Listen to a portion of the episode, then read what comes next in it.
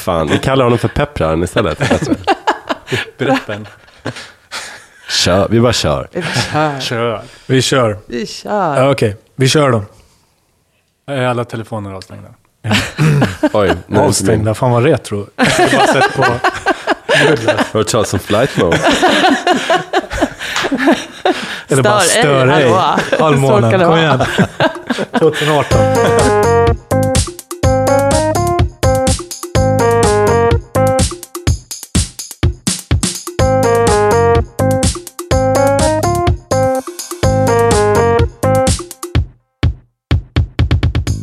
Välkommen till podden Stereotyperna i samarbete med Agur. Det här är vår podd om eh, människor och kulturer.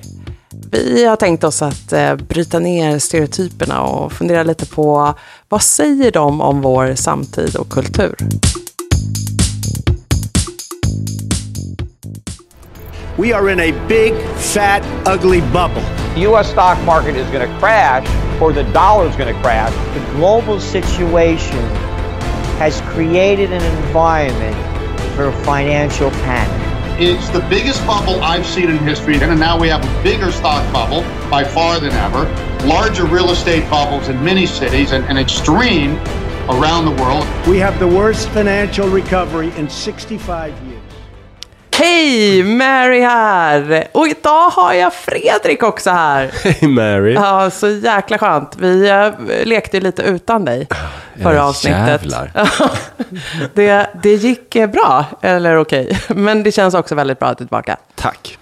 Och sen så är också Jonas här, håller i eh, spakar, knappar och ser till att vi har något ljud med oss. Eller hur Jonas? Ja, det försöker jag. Och eh, alltid vettiga och bra inlägg när vi också styr av banan helt. Precis. Det är också anledningen till att vi har Josef här igen hos oss. Hallå, hallå. Hallå, hallå. För idag ska vi eh, ju snacka om preppen. Och här eh, tänker jag direkt på Junabombern.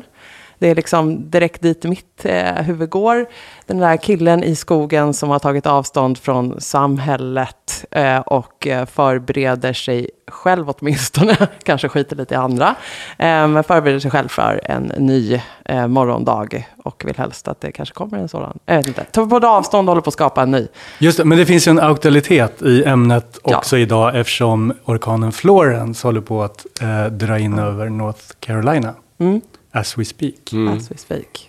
Och vad tänkte du då? Vad, vad är det som gör att liksom Du ville bara höja stämningen lite. Precis. Har ni koll på väderkartan? Vi är lite för glada nu tycker jag. Precis. Nej, nej, men jag tänker att eh, det är ju där preppen kommer till sin rätt. På Yes. något sätt. När orkanen kommer. Ja. För det här är ju personen som har preppat genom att förbereda sig för krissituationer. Om det så är eh, samhällscivilisationen som håller på att duka under på grund av naturkatastrof eller för att människan själv är elak och dum och eh, behandlar varandra eh, sämre och det är krig. Eh, Det men- kan också vara ett hot från yttre rymden. Just Alltså det. hotbilden är ju väldigt diffus. Ja, men det är dags att förbereda sig. Och det gör preppen eh, med att se till att det finns eh, vatten och förnödenheter hemma. Eller till och med gräver ut en helt liksom, ny del nere i källaren eller något sånt.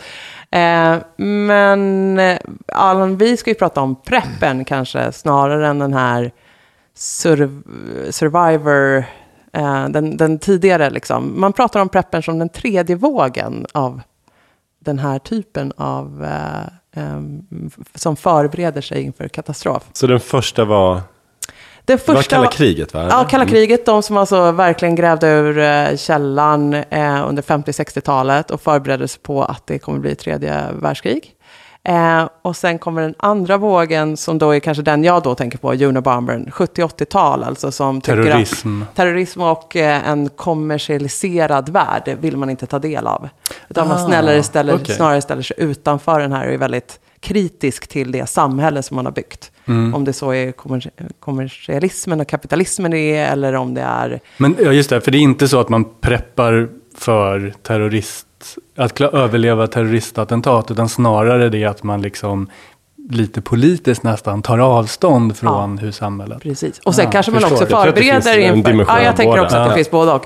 Men att då kanske inte just alltså, så här, tredje världskriget var inte lika... Nej. Kalla kriget var över. Just det. var inte det som var liksom... Just det. Mm. Eller det var inte över, men det hade liksom svalnat i alla fall. Just det. Så det var kanske inte det som väckte den andra vågen. Och nu är vi inne på någon slags tredje våg när vi pratar det är klimatet som hotar. Mm. Men den tredje vågen, har, har inte den också vuxit fram i, i, i svallvågorna av, av Lehman Brothers-kollapsen 2008? Ja. Ja. Att där hände det någonting, att Där väldigt det något. många började samla i ladorna Ja. och att politiker gick också ut och uppmanade människor att, Mm. att göra det. Att eh, eh, inte göra av med alla sina tillgångar utan se till att man har Precis, det var liksom tydligt att samhället kunde inte faktiskt klara av alla kriser. Utan Mm. ibland står människan mer ensam än vad vi trodde kanske. Att systemet när det kollapsar, då behöver jag ha liksom sparat i ädelmetaller, gömt en del kontanter. Alltså, liksom, funkar inte banksystemet så måste jag själv ha Mm. Ja, förberett mig för hur jag ska hantera. Ja, och där var jag och en kollega i eh, Detroit för några år sedan. Och Detroit kan man ju säga var ett epicentrum för just eh, kollapsen i USA, finanskollapsen och eh, allting som hände därefter. Och det var faktiskt väldigt eh, skrämmande att se Ja. det på så nära håll. Alla övergivna hus. Eh, men också häftigt att se alla initiativ som poppar upp i ett sånt postapokalyptiskt eh, samhällsklimat. För det kan man nästan kalla det. Men, men det tycker jag är en intressant distinktion, för jag tänker att preppen är inte den som deltar i det där kollektivet som liksom eh, ska återuppbygga eller förbereda, utan det här är en mer så här lite självisk grej. Jag vet inte, ni tänker kanske annorlunda. Jag tänker att så här, ja, men jag ska se till att jag har vatten hemma och extra batterier och att jag klarar mig en vecka eller mer. Jag tror att det finns många preppers som skulle säga att det där kanske är ingångsnivån Ah, i okej. prepping. Men de som är, har kommit högre upp eh, eller längre i sin karriär, de, där handlar det mycket också om att utveckla skills så att man kan skapa ett nytt samhälle. Eh, så att man kan lära folk att eh, göra eld eller eh, hitta mat i skogen eller vad det kan vara. Att det handlar inte bara om att se om sitt eget hus. Nej. Och det handlar väl också om att någon sorts vetskap om att i förlängningen så är vi beroende av varandra. Vi måste kunna rekonstruera någon typ av samhälle, bygga upp någon typ av samhälle igen. Mm. Eh, det är inte hållbart att bara se, se om sitt eget hus. Men det är väl det som är basen, för man pratar ju om så här, man har en bug-out bag, Ja. en bug-out location, att man har alltså en väska som är packad med förnödenheter. Eh, Det är man som BB-väskan, fast... Ja, Eller som en go-bag som journalister har. ja, men exakt. Men får jag bara koppla tillbaka till en sak, för jag tycker det är intressant det här, man brukar prata om science fiction och katastroffilmer, att de hela tiden följer det samhället är rädda för just nu så att säga. Och på 50-60-talen så var det kanske hot från yttre rymden, eh, för då var man i någon slags här space exploration-fas eh, i världen. Eh, sen så var det ja, mycket så här, politiska hot och, och terror och, och ja, krig och så vidare. Och på senare år har det varit väldigt mycket klimat som, som science fiction och katastroffilmer har handlat om.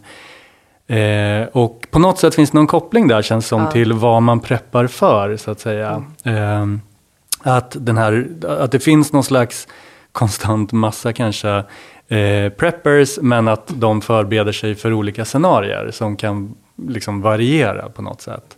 Eh, och på senare tid kanske det har varit framförallt just klimathot och eh, ja, i viss mån även terrorist. Eh, Fast, fast och, det gör- och det som du är inne på också, just en, en finansiell Ja. kollaps så att säga. Ja, Precis, för det, det som har slagit mig när jag har eh, så här, försökt eh, utsätta mig för så här prepperkultur, lyssnat på vissa poddar och så, Mm. preppers, det är ju att de har ju inte en eh, så här, analys av att det är just det här som Nej. kommer gå åt helvete, utan Nej. det är en väldigt diffus Mm. eh, hotbild som vi sa tidigare och att det finns någon sorts Ja, men det finns eh, en bräcklighet i hela, i Mm. hela samhället och hur det är uppbyggt. Men hoten kommer från flera disparata Mm. Det. håll. Och det finns väl också någon, skulle jag säga så här, civilisationskritik. Ja. Alltså det finns Ja. en kritik mot, ja men egentligen sådana människor som oss som bor i stan och som eh, fånar runt på något dansgolv och som äter sushi och liksom, ja, lever så här töntiga liv. Liksom. Eh, det är Mm. I det här vi- konstruerade. Som inte kan skjuta med ett avsågat eh, hagelgevär. Liksom. Det är bara så här, Men vem är preppern och för vad preppern är är ju ganska tydligt. Mm. det finns ju någon typ av bild. Men vem är preppern? Jag vill ju lansera en, te- en teori. Ja, bra. Eh, preppern är IT-tekniker. Ja, Men det tänkte jag precis det säga, han är ju det. Ja, ja. För att, Gud ja. ja, och det är ju, i det ligger ju också att han är kille. Ja, killar. Men jag var liksom gick, gick straight to the core där. IT-tekniker. Alltså det är någonting i... Ja, och att han började äta sushi ganska sent. Eh, men, eh, nej men alltså han, han har väl också sett att det finns en känslighet i, i system, alltså i IT-system. Och så kan man växla upp det till att gälla samhället i stort. Men, eh, Absolut. Mm. Det är så här en Snowden. Liksom, Ja. Jag skulle också vilja... Överleva länge på ambassaden. Ja, men precis. Jag skulle också vilja tro att preppern i hög grad är röstar Sverigedemokrater. Mm. Jag tror att preppen Shit, är... Du gick, du gick hårt, ut hårt här alltså. ja, verkligen. Fast jag är lite Där- mer på det där alltså. Men för, får jag bara lansera, jag vill bara skala, Ja. jag vill sätta en gräns för sen? preppern också. Ja. Jag vill sätta en gräns för Mm. preppern också. För den här Myndigheten för samhällsskydd och beredskap, eller vad den nu heter. När de kom ut med den här katalogen förra året, eller broschyren, katalog var det. Den var ju ganska straight Det to point. Och det var något som inte hade hänt på jättelänge, det kanske var ett wake-up call. Jag vill inte kalla dem preppers som Nej. fyller på, köper en vattendunk. Nej. Eller så är du vet, tänker att ja, men det här kan vara bra att ha. Bara så att jag vill Ja. sätta den gränsen. För prepper för mig, det är någonting beyond det där. Det är ju någon sorts mainstream prepping är det ju ändå kan man säga. Ja, förvisso. Men i alla fall, den andra, the hardcore prepperna. Vi pratar vi zoomar in Vi på pratar den. hardcore Mm. prepper. Men alltså, det är någon som inte litar på etablissemanget. Nej. nej. Som du var inne på. Med Det är en låglitare. En låglitare, precis. Och, och som kanske då i, i förlängningen också inte litar på eh, partierna eller så. Och vänder sig till Politiker. kanske Sverigedemokraterna. Och, och inte, som vänder sig från den urbana, bort från den urbana kulturen också. Alltså det är, Ja. är en människa som bor på landet.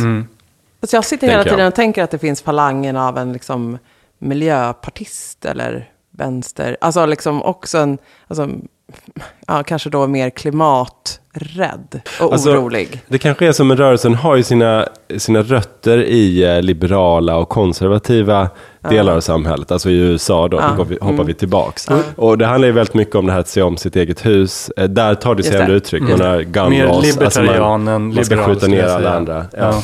Men, men, och jag tror att, Libertarian, förlåt. ja, och jag tror att det har att göra med eh, att, för att koppla tillbaka till eh, den här orkanen Florence då, att jag tror att rötterna väldigt mycket finns i den amerikanska södern, för att de har ju varit väldigt, väldigt utsatta för bland annat orkaner och översvämningar och så vidare. Och där har ju eh, prepperrörelsen varit väldigt utbredd på något sätt.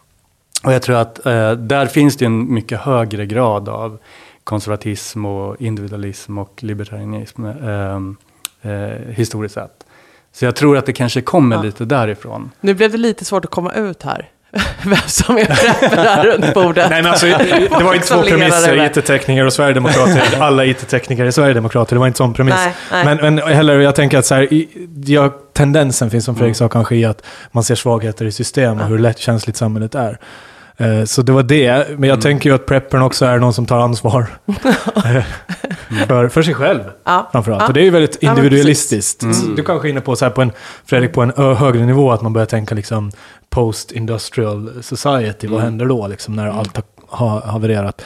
Men mycket av preppingkulturen handlar ju om liksom, eh, vad gör man när det händer, alltså när smällen kommer. Liksom. Men det intressanta tycker jag är att det bland eh, hardcore preppers, om vi kallar dem för det, har blivit en, en livsstil. Ja. Alltså man ägnar hela sitt liv åt det. Det är inte så att man, nu har jag packat den här väskan, Nej, jag är klar. Eh, nu är det där huset klart, så här, I'm done. Utan man omger sig med andra preppers. Eh, det är väldigt, en grej som är bra om man känner en prepper är att det är väldigt lätt att ge dem julklappar och födelsedagspresenter. man kan ge dem någon sån här, eh, men, eh, En Army Knife. en flaska vatten. Ja, eller, ja, precis. Eller här konserverade korvar eller något sånt där bullens Men preppers är ju ölkorv. också lite under radar.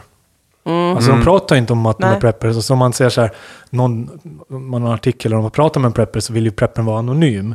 För det finns ju någonting i att vara out, att man har massa resurser, man är preppar och så. Ja, man outar ju aldrig var man har sina resurser. Nej, var man har sin bug-out location. Det berättar man ju inte för andra preppers heller. Nej, jag läste, jag läste nej, en, nej. en blogg som heter Urvaken. Just jag har faktiskt hamnat på den bloggen historiskt tidigare av en annan Mm. orsak. Som handlar om liksom hållbarhet, hållbart leverne. Jag har också läst den. Ja, Mm. men i alla fall i, i den här urvaken tyckte jag var intressant för han pratade om 2016, summerar upp året. Var det så här, ja, men jag köpte Bol norr, som man kallar det. Alltså bug out location norr. Eh, någonstans uppe i skogen i norr. Eh, och det har han liksom tagit lite lån för, för och som han försökte motivera med att det liksom var så låga räntor. För annars ska man vara skuldfri. Eh, det ska Ja, just det. Just det. Just det. Eh, Men det som var intressant också var så här, han hade köpt, han, nu hade han utökat sitt förråd från liksom, nu var han uppe i sex månader för två personer i proviant. Vilket är helt jävla Ja. over the top. Eh, och eh, också i, i periferin nämnde han att han, han, han och hans sambo hade brutit upp. Ja, så nu Jag tänker att det finns ett samband. Kanske. Ja, men alltså, Det är ju livsfilosofi som kanske inte... Det är ju en, Nej, det är alltså, det är ju en dysterkvist av etiska mått. För att jag menar, det är väl klart att vi alla någonstans fattar att allting kommer gå åt helvete. Men måste man snacka om det hela tiden? Och måste man liksom planera hela Kan man leva liv? så? Att Det är man li- liksom lägger om allt? Det Ja, men det är lite som att så här, gifta jobbigt. sig med någon, men ha en, en, en lägenhet vid sidan om, Ja. just in case det skulle gå åt helvete. Liksom. Eller börja planera skilsmässan. Det är också väldigt tråkigt. Ja. Liksom, Att ta med en egen fallskärm och bo på planet när man ska åka till Teneriffa, liksom, för att det kan gå åt helvete. Alltså det blir ju det blir ju en väldigt eh, deppig stämning kring allting, kan jag tycka bara. Det är en observation i marginalen. Men Vad tänker ni? Nej, men precis så att så här, alltså det finns ju, eh, eh, ja, om jag nu började tänka på någon som var snarare liksom mm, back in the day och lite mer foliehatt och konspirationsteoretiker så känns det ju inte som att preppen är det idag, utan det är, det är ju en, även om det är en diffus hotbild så kan vi ju nu hålla med om att så här, nej men visst, system och samhällen håller inte alltid och klimatet utgör ett hot. Så att så här, det finns ju en, en lättare att liksom gå och ta preppingen, liksom vad de håller på med. Eh, men det finns också den där så här, det, det går så fort till liksom, eh, ett engagemang som känns eh, ja, deppigt och tråkigt och lite överdrivet. Så man bara så här, men nu var det lite foliehatt på igen. Eh, att den där light-preppen känns ändå som att några av vännerna lite nu efter vår fina sommar i Sverige har kommit ut som. Att Har ni vattendunkar hemma till exempel? Ja. Du har det? Schyssta karaffer. och- Men du har, ja, men du har ju en lada också med. Ja, lada och villa och alla de där grejerna. Så att visst, det, det måste finnas en, en eh, dunk liksom. Men jag har inte vidtagit några åtgärder för när elen lägger av. Alltså, Eller samlar på mig konserver. Eller, nej, men nej. När wifi lägger lite- ner. Ja, precis. När wifi lägger ner, då vet du fan hur det ska gå. Ehm, och det verkar ju ändå som att det skulle ju vara hyfsat lätt att så här, se till att man har lite förnödenheter hemma då för några dagar. Eh, och eh, varma kläder och lite vatten. Men ta nästa steg kräver lite mer. Och en kurs i överlevnad. Och, det är många grejer som vi som urbana, moderna människor har lämnat bakom oss. Alltifrån att göra eld utan tändstickor liksom, eh, till, jag vet inte, sätta ihop ett litet skydd Men det känns, och väder. ja, och det känns som att det finns två, eh, eller ja, säkert fler, men bland annat två kategorier av preppers här. Lite som Fredrik var inne på tidigare, så det finns ju de som på något sätt försöker lära sig bygga upp ett samhälle efter någon slags apokalyps. Och så finns det de som mer tänker att jag ska överleva själv och jag kan inte lita på någon omkring mig. Och det känns som att det är lite olika drivkrafter och olika mål och intressen i de två kategorierna. Eh, så att säga. Och jag tror att den mer individualistiska då, eh, kategorin kanske ligger, det ligger närmare till hands att de är just lite konspirationsteoretiker och lite foliehattar kanske och eh, väldigt konservativa och, och lite Ställer sig liksom mer utanför det samhälle vi har idag också. Exakt. Det liksom finns den här kritiken. Exakt, medan de andra kanske är mer, alltså de, de har ett annat intresse på något sätt, är lite mer samhällsbyggare och kanske nästan lite så här kol- kolonisatörer på ett sätt. Bygga Eh. ett positivt imorgon. Exakt. Är nog mer de Exakt. håller på med. Ja. Men, men jag tror att detta eh, tricklar ner och blir en, eh, en livsstil och en hobby. Eh, Ja. Liksom andra hobbys. Eh, alltså det blir någonting som skapar mål och det låter mening ju och lite någonting så att uppfylla sin tid geocaching med. när ni pratar om Bowl Ja, North och exakt. man bara så här, Mm. ah, ska vi åka och kolla in vad jag Ja. har liksom preppat upp i norr och sen tar vi din söderut och jag vet inte. Det liksom finns. Men det är Ja, jävla terminologi som jag tycker är så cool i den där. När man läser de här, det ska ha EDC-bag, alltså everyday carry som du ska ha. Just det, man, som man alltid har i bilen. Och så har du eller hur? bug out som är liksom att du drar hemifrån, så har du bug in, det är att du liksom isolerar dig i hemmet. Och sen så var det så här när urvaken har också skrivit under, angående 2016, var så här, ja men januari rasar börserna där, då trodde jag att det var en SHTF-situation. Eh, Men det var bara en korrigering. Och SHTF är då shit hits the fan. Som är liksom den här situationen då allt bara, då det, det är då det sker liksom. Det- det. Men Vilket är väldigt det gör det sexigare ändå. Ja. Alltså med de här liksom lingo-grejen. För det är så det heter, det heter bara shit hits the fan. Och liksom vilken shit och vilken fan det är, det är väldigt oklart. Det spelar ingen roll. Men vad, vad jag tänker att det är, det är lite som att leka krig hela Ah, tiden. Alltså ja, det är så här killgrej. Därför Så här, är det killarna. smyga runt längs husväggar och liksom inbillar sig att det finns Nästan som man överallt. hoppas att det ska... Ja, alltså hur mår preppern på sin dödsbädd om ingenting har gått åt helvete? Ja. Kanske ändå bra för att han har fått leka sig genom livet, men det är, det är liksom en Ja, det är så killig sant. lekgrej. Det är så verkligen. sant. Det här är liksom en, en killlek.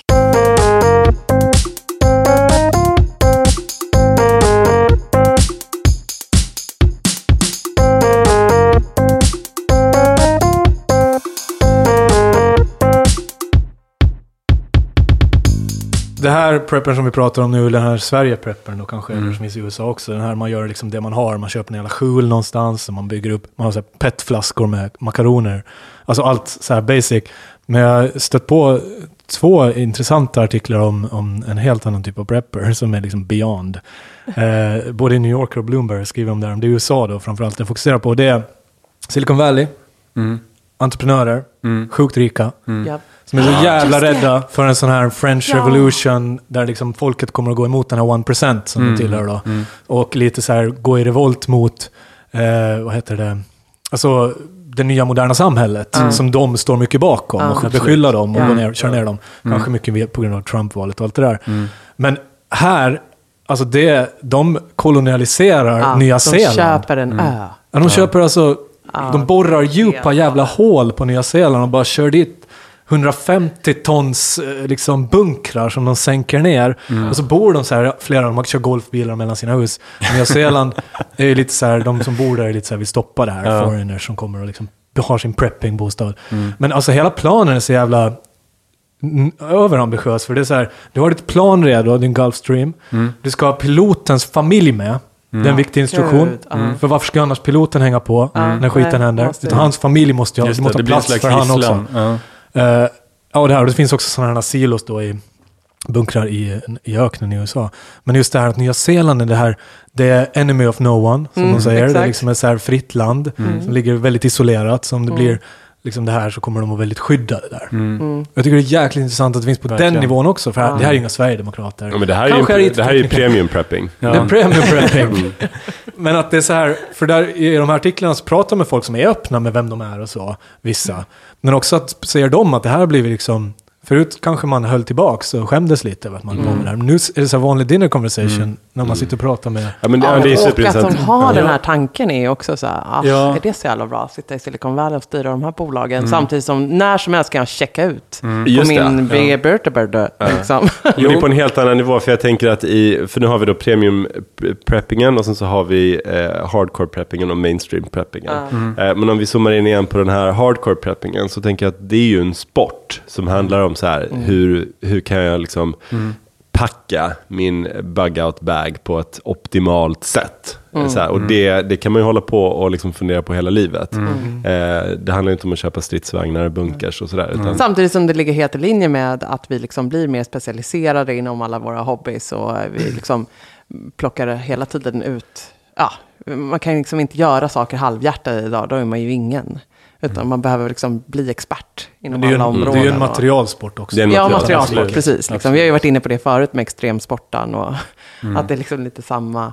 Och kanske också leta efter den här eh, manliga eh, mansbilden. Liksom. Vem Ja, är jag då det. i den här tiden? Ja. Hur tar jag Här- hand om mina nära och kära? Här är ju det som bortblåst. Alltså den här killen har ju en jättetydlig roll.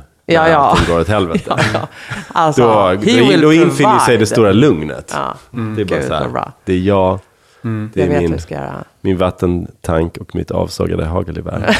Men, jag- men jag har ju kanske berört det lite. Vad är det som gör att det här händer just nu då? För jag tänker ju, historiskt sett, prep- prepparna kommit i flera vågor. Ja. Men att man just den här tron på en katastrof. Ja. Det är ju är en, det är en idé som jag skulle säga finns väldigt starkt i västvärlden. Och tänk, Man förstår historiskt, liksom, Belle Epoque, sen första världskriget, där man, man trodde man hade uppnått det moderna projektet, sen bara rasade med, moderna, med första världskriget, sen var det liksom finanskris globalt, sen kom liksom andra världskriget, sen kom kalla kriget, och sen kom liksom, ja, sen bara pågå, har det pågått, och så var det liksom 2000 när allt skulle slås ut. Jag kommer ihåg det. det var Ja, ja, första, Y2K. Jag var i, katastrof. ja, jag var, jag, det var första gången jag såg preppingkultur, för jag var i New York då. Och det var ju så här tomt på hyllorna överallt. Det fanns Ja. inga konserver. Alla Alla hade samlat köpt. på sig. Alla hade hamstrat. Man kunde köpa survival kits. Eh, Så det ligger väldigt mycket i den amerikanska kulturen också, den här krisberedskapen. Men Och- också i filmvärlden har man sett det, i bokvärlden Ja, sett och där skulle jag säga att det har, alltså på senare år, eh, det finns ju en postapokalyptisk rom, eh, romantik, alltså eh, rom, väldigt många romantiska skildringar av det, alltså tv-serier och filmer. Och det skulle jag säga har varit väldigt mycket av den varan på sistone, inte minst hela liksom zombie-temat. Eh, så här And Walking the Dead winter till is exempel. coming. Alltså hela världen har ju liksom tagit del av den här. Ja. Hur ska man bete sig när det kommer gå? Alltså helt plötsligt måste vi måste börja samarbeta med våra fienden. Vilka kan ha ihjäl en zombie? och liksom spjut. Hur använder man ett sånt? Ja. Men det är också intressant det där du sa att första vågen var på 50-talet. För jag kollade Doomsday Clock, har ni kollat den? Vet ni vad Doomsday Clock är? Jag läste om den, men inte Ja, men det är, det är ju så här massa Nobelpristagare som sitter ner varje år. Har gjort det sen, sen atombomben uppfanns. För det var det, det är samma gäng som startade den här. För att på något sätt hålla liksom pejl på hur nära skiten är vi. Liksom, när, hur nära undergången är vi. Och det är så här five minutes to midnight, it's four minutes to midnight. Det är liksom så de spelar. Och varje år kommer det en ny rapport. How many minutes to midnight? Och nu, i år, 2018, var det two minutes to midnight. Och det hade inte varit, så nära hade det inte varit sedan 1953. Ah, precis. Och nu är det, då var det på grund av att Sovjet Ja. provsprängde och nu visar sig, nu har de vapen, nu är det kört. Ah. Medan nu visar det sig med Nord Nordkoreas program. Men det är ju andra faktorer de tar in också. Trump blir vald, eh, klimathotet. Så det är liksom two minutes to midnight. Så här skit, alltså Nobelpristagarna då har inte sett ett så här katastrofläge sedan 53. Och det tycker jag är lite intressant. Inte för att jag tror att de här preppersarna läser Doomsday Clock, men det, det är ändå, tar ju tempen ändå på någon sån här Men de samhällskänsla. lyssnar på den här podden och nu vet de. Nu vet de. Nej, men, jag, men jag tänker så Fredrik, att den här liksom senaste vågen startade efter den finansiella kollapsen i USA. Och att det var, och det var liksom symbolvärde att det var USA som då hade stått för den här kapitalismen och liksom ett modernt eh, civilt samhälle på många sätt och andra inte kanske. Men liksom att, att det kunde gå och kunde gå så snabbt och bli riktigt illa för den som liksom var den lille mannen på gatan. Så att jag, jag tror att den liksom absolut var det som startade det här och sen så har det liksom, var det ju bra att klimathotet ökade. Ja, på och jag tror liksom. att varje, re- varje generation måste väl bli påmind just om bräckligheten i, i samhället och hur det är uppbyggt. Och vår generation blev varse det i samband med den. Men, men en pådrivande kollapsen. faktor de senaste i alla fall 20 åren har ju varit internet tror jag. Att, att det är så lätt att sprida konspirationsteorier. Och konspirationsteorier är ändå en bidragande orsak till prepping. Eh, så att det, det, det är väl en anledning till att det möjligen har ökat nu på senare tid ändå. Eh, kan jag tänka mig. Och ja, lite som du säger också att, att det kanske är ett mer kritiskt läge på, på sätt och vis. I Eh, kombination med att det har eh, konceptualiserats och eh, livsstilifierats. Just det. Ja. Eh, Att det blir så här, man Ja. kan bli en Just det. prepper. Man kan Ja. lyssna på en prepper-podd. Man kan Mm. så här, Just det. Mm. åka på prepper-träffar. Man kan få ett Och socialt dessutom nätverk är det inte så, det är inte så oklokt att vara prepper light. Utan det är ju då snarare någonting som eh, liksom vårt samhälle berättar för oss med en enkel pamflett. Att Mhm. nu är det lite dags att vara ändå åtminstone någorlunda förberedd på att vi inte har el i tre dagar. Mm. Så att det liksom, det, från många håll här så känns det ju som att det är lite, lite läge att börja tänka åt det här Mm. hållet. Och då blir det ju mer närvarande. Ja, och sen det är ju, alltså det finns ju väldigt mycket konspirationsteorier som sagt, men med tanke på vad som händer med miljön och klimatet så är det ju faktiskt verkligen klokt, skulle Ja. man kunna säga. Och jag tänkte apropå de här, den nya aristokratin då i Silicon Valley, eh, en annan ett annat uttryck för deras prepping är ju vad till exempel Elon Musk håller på med, alltså kolonisera andra planeter. Eh, för det kan man ju på sätt och vis också koppla till prepping. Att Det är ju man, prepping deluxe. Alltså. Är det, är det ovanför premium då? är det platinum? Ja, man klarar alltså, det är sjukt. Ja. jo men exakt, och det är ju inte så jättemånga som, som ägnar sig åt det. NASA har väl lagt men- Det ner. är väl typ han. Vad vi vet så är det en. Jag känner bara en. Mm. Jag tror det finns ett stort mörkertal också.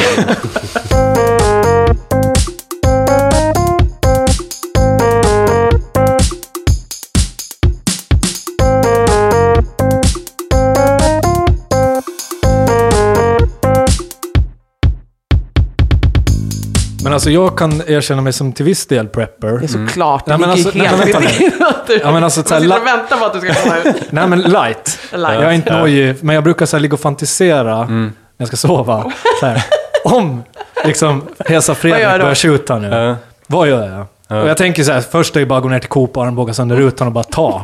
Så här, fyll upp. Vet, bara köra.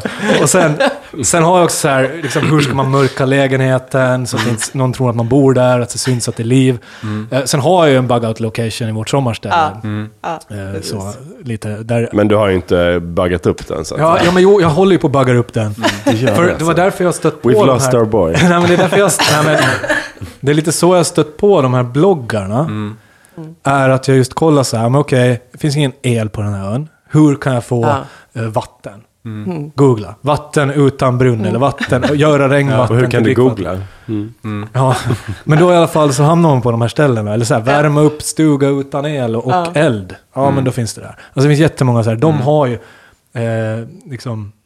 De har ju på att utforska det här. Det är Ja. jättebra information för mig. Det är ju en guide till ett hållbar, en hållbar livsstil, helt enkelt. Och en manlig livsstil. En manlig och hållbar livsstil. Nej, Men alltså sover du bra efter att du och gått igenom de här? Och jag tänker att man bara får ju ökad eh, heart rate vad man tänker.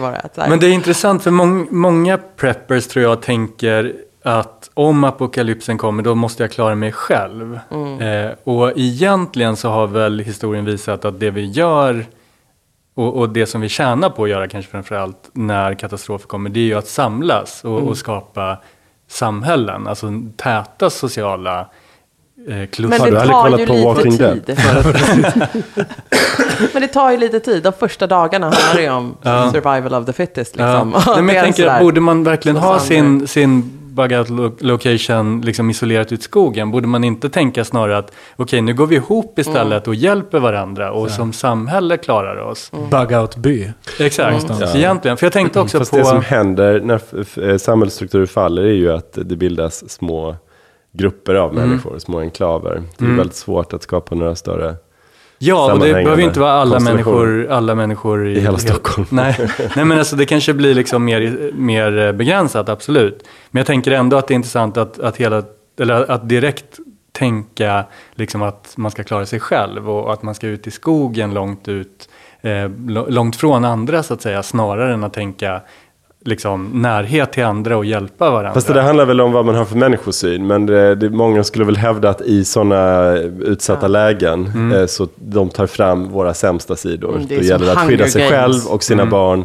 Och då slår man ihjäl vem som helst för att Ja, men det är skydda så de sina. Hunger Games och Fortnite. Alltså vattnet kommer öka.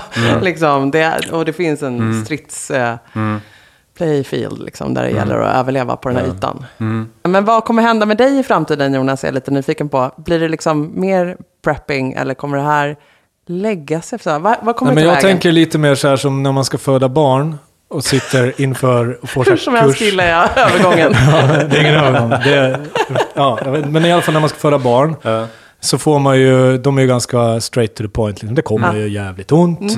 Du får liksom förbereda dig på det. Det finns ingen lullull. Nej. och då, så, men de säger ju då så här, föreställ, för man sitter och tänker så här, ja men vad fantastiskt. Så här, föreställ dig hur bra, en bra förlossning, men för mentalt tänk också igenom en katastrofförlossning. Ja. Hur du hanterar den, så att man är beredd på worst case scenario helt enkelt. Och det är lite den typen av prepping jag håller på med, att så här mentalt du vet, lite bygga in, in så att instinkten är där. Så att när någonting händer så behöver jag inte sitta med och fundera, utan instinktivt så har jag, eh, re- reagerar jag på ett sätt som kanske eh, är Men- positivt. Men jag- Nu, nu när du, förlåt bara men nu, när vi ändå har en prepper här, för det har ju kommit ut nu. Eh, vad, vad, vad är hotbilden för dig? Vad är det du är rädd för? Vad tror du kommer hända? Vi är zombies. Är det Putin?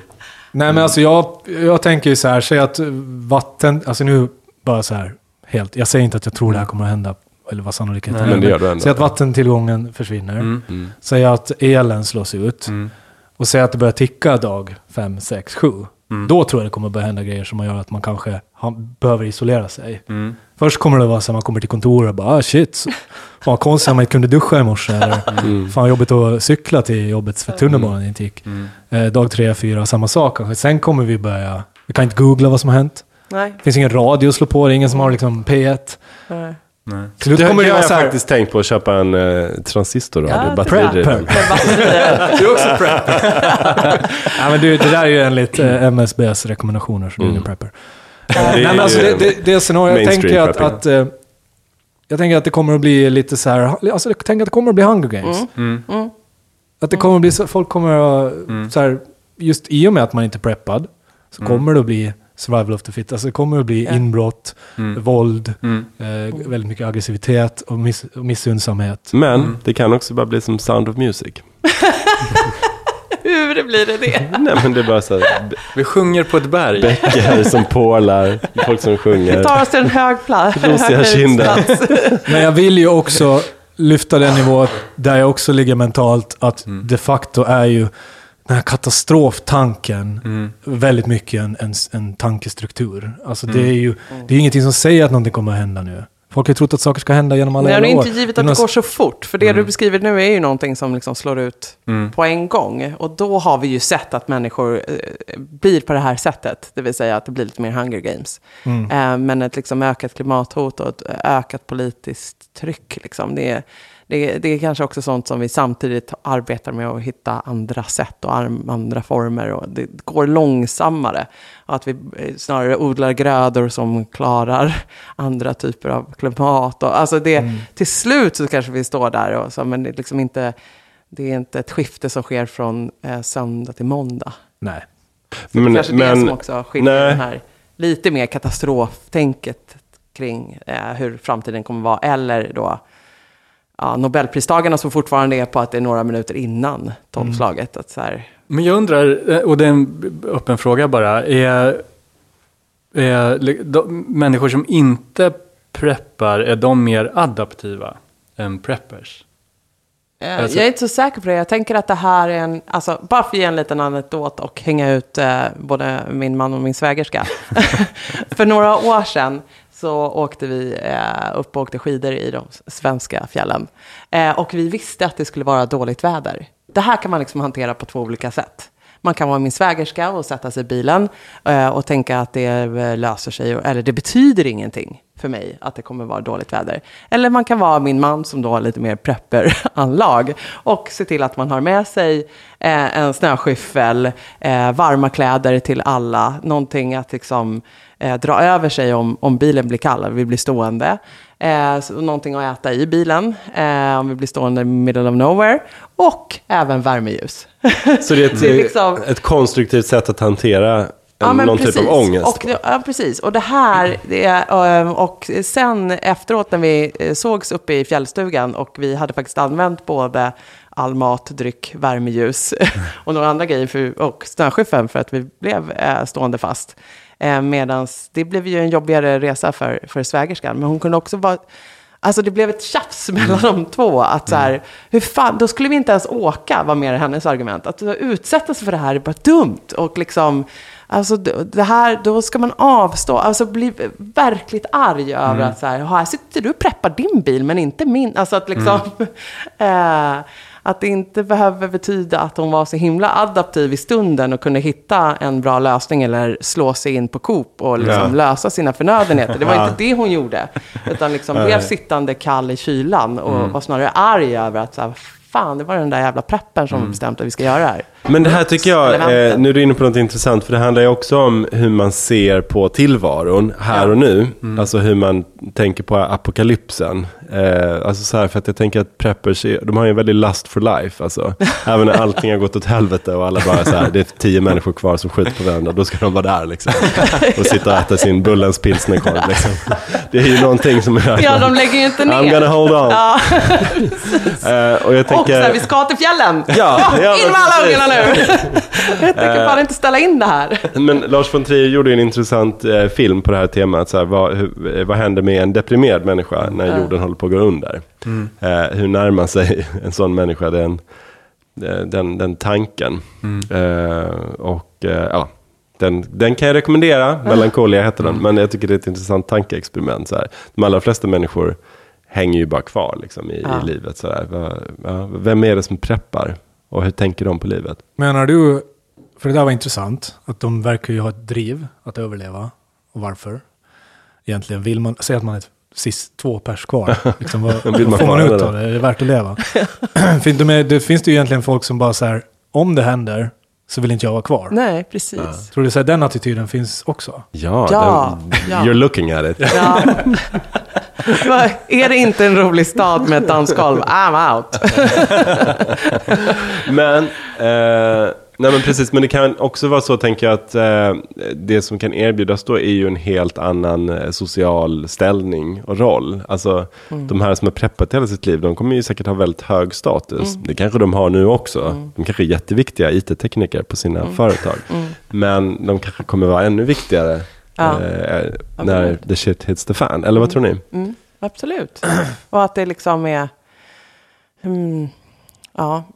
Samtidigt som det inte är så mycket, tycker jag då, att dela med sig av det där. Liksom. Eh, Utan det är mer, ja, kanske dela hur man går tillväga, men sen inte dela med mig av det Nej. jag har. Nej, för då. risken är för då de- behövs ju det här som Jona, eh, Josef har varit inne på, då ska vi ju bygga samhälle ihop. Då Mm. blir ju du en statusfigur som kommer veta precis hur vi ska gå tillväga och hur man får göra eld och alla de här delarna. Jo, men för risken med preppers då efter apokalypsen är ju att de är kvar i sin lite så här konservativa, främlingsskeptiska Ja, eller, eller främlingsfientliga liksom, ja, världsbild och mindset på något sätt. Och, och om man då ska bygga ett helt nytt samhälle med helt nya förutsättningar, då kanske inte de kvaliteterna egentligen funkar så bra med vad som behövs. Så att säga. Eh, så att det kan ju vara lite, eller både och där. Antingen så kan de vara till, till mycket hjälp så att säga. Lite beroende på hur de är. Men det kan ju också vara så att de faktiskt lite står i vägen. För Men då Och att de är så här jättejobbiga besserwissers. Ja, Gud exakt. vad jobbiga de är. På Robinsonön, du vet. Vem gillade den som visste precis hur man Ja, skulle göra i alla exakt, lägen? Som inte exakt. bara badade och chillade och Ja. käkade lite mindre ris istället för att försöka hitta liksom, alternativa födor. Mm. Eh, men jag tänker då kanske vi ska vara glada också att det är Silicon Valley-gänget som Mm. Just tänker eh, gömma sig Mm. långt ner i berget i, på Nya Zeeland. För de har ju visat tidigare att de är hyfsat bra på att bygga upp Just det. en helt Mm. egen eh, typ av samhälle och företagande och Mm. strukturer. Eh, och sen så kan andra ledare i världen eh, dö av där i sina fina villor. Jag är mer intresserad av den preppingen så fall, den här premium eller plat- platina preppingen. Den, den vill jag vara med på. Låter nice. Aha, så vad tar det vägen i framtiden då? Vad, vad tror vi? Kommer vi? Är det fler som kommer komma ut som preppers? Ja men det tror jag. Ja. Mm, och preppers light. För Mm. preppers är ju inget negativt. Alltså Nej. det är både Nej. negativt. Ja. Alltså de kallar ju sig själva preppers. Jag tycker att prepper är någonting. Ska någon kalla mig preppers blir jag lite stött. Ja. Men de kallar ju sig själva preppers. Prepper, prepper, prepper. Men det kommer- Prepper-beteckningen kommer säkert att bli någon som har, tar ansvar. Och, Ja. Men jag tycker det ligger i linje med allting annat i samhället. Att, samhället, att det blir som någon sorts reaktion på, på det digitala, det diffusa, det som man inte kan ta på. Att man går tillbaka till något autentiskt. Så här, hur funkar saker i grunden? Så här, hur, bygg, hur gör man en eld? Det är ju det är sådana skills som, eh, som är coola att ha. Eh, Och oavsett om det går åt tappat. De helvete går eller ju inte. inte längre generation för generation, utan vi har ju liksom Nej. tappat dem. Så att vi måste plocka upp igen och lära oss. Ja, och jag tror också att den utvecklingen som vi har varit inne på, den tror jag kommer att, fortsätta, vilket egentligen innebär att preppen eh, avradikaliseras på något sätt. Ah, Förut var ju det. den här konspirationsteoretikern som levde själv ute på landsbygden och hade vapen och, och sköt alla som kom i närheten. Men så är det ju inte längre och, och nu blir det ju mer och mer normaliserat. Mm. Och eh, eh, det kommer säkert fortsätta så att säga. Så att det kommer bli Mm. lite något som vi alla, lite grann i alla fall, Ja, en helt vanlig centerpartist Ja. som jag bor på Kungsholmen. Ja, precis. Och det där liksom, ja, men, ja, mitt exempel är igen att så här, mina barn redan är på tanken. Mm. Så är det klart att vi, det är liksom någonting man kommer ställa sig frågande till. Jag undrar också om, om eh, prepping kommer att institutionaliseras på något sätt. För jag vet, det pratades ju här om året mycket om att jag tror att det var CIA eller NSA eller någonting, någon sån liksom säkerhetsmyndighet i USA som hade ett scenario där, eh, där, det, skulle, där det sker en zombie-apokalyps. Och vad de skulle göra då, en handlingsplan för, för det. Och, eh, Nej, det här har inte folk suttit och jobbat med på American Jo, Dollars. jo det har man men gjort som någon sorts tankeexperiment. Ja. eh, Bara för att ja, kunna... Ja, och då är frågan, kommer, om vi tar Sverige då, kommer till exempel MSB, Myndigheten, Myndigheten för samhällsberedskap, kommer de till exempel ta fram olika scenarier och handlingsplaner för väldigt extrema katastrofer och, och liksom bli, alltså bli, institutionalisera prepping på något sätt så att det kanske finns i varje kvarter eller i varje stadsdel till exempel någon slags typ bol eller att det finns något förråd med såna här väskor som alla som bor i den stadsdelen kan komma och hämta. Och När jag var liten så visste alla var närmaste skyddsrum Ja, var. precis. När man bodde, när man gick i skolan. Vet ni vad närmaste skyddsrum är? Jag vet där jag bodde då när jag var Ja. liten. Ja, men det nu- pekades nu är det ju ingen som nej, vet det längre. Nej, det vet jag inte. Det var också- de är ju parkeringshus Ja, och precis. De är stängda. nattklubbar och gym. Sexklubbar och technoklubbar och annat hemskt. Seek them out people, seek Sex, them out. sexshoppar och... För jävligt. US video kanske närmast. Nere i ett bås där bara. Stoppa den här samhällsutvecklingen. Kommer vandra mellan det båset och, och liksom hyllorna på Coop. Det är där man hittar dig. Eller så tänker jag att så här, det kanske redan har börjat. Vem vet varför de utvecklade Fortnite? Varför lär sig liksom alla unga då i, i låga åldrar att, eh, döda slåssa. varandra på liksom en yta som krymper och krymper för havsnivån ökar och ökar. Liksom. Det är, Är det det det handlar om? Coolt. Ja, det, det är det de gör. Och då, samtidigt som de dödar ju inte bara, det är väl det som jag tycker är den stora skillnaden mot andra sådana spel. De bygger ju också. Alltså de bygger ju liksom eh, hela tiden byggnader, kunna ta sig upp och gömma sig under, eh, gömma sig vid, kunna få liksom en overview av vad som händer för att skaffa jättebra. sig Sen när information. apokalyp- apokalypsen har kommit så tar de fram sina laptops, börjar rita upp Next, next City. Det är Hur ska vi 11-åringarna bygga? som kommer rädda oss. Precis. Det kommer rädda oss. Ja, hörni, det här var ju oväntat roligt och som att vi kunde hålla på och prata om precis hur länge som helst. Eh, wow, ja, skitkul har, har jag haft. Hoppas att eh, ni som eh, lyssnar på oss eh, har haft det också. Nästa gång vet jag inte vad vi ska prata om. Det, får liksom Det kan ju ha kommit en apokalyps. Det kan det göra. dess, Kanske inte ens pratar. vi kanske inte Det pratar. Nej, vi behöver ju eh, både öl och el och några andra grejer för att få det här av stapeln. Eh, men eh, supertack till framförallt Josef som var Tack, med tack. och, eh, snackade med oss. nöje. Härligt. Fredrik, Jonas, love you guys. Tack och hej. Hej då! Hej då. if and when it does happen, and be prepared to take care of our family in that event no matter what. I'm prepared to do that. I like to think that I have enough of what it's going to take to be able to care for my family, bring money into my household, and bring food and other things into my household. I'm prepared to do that.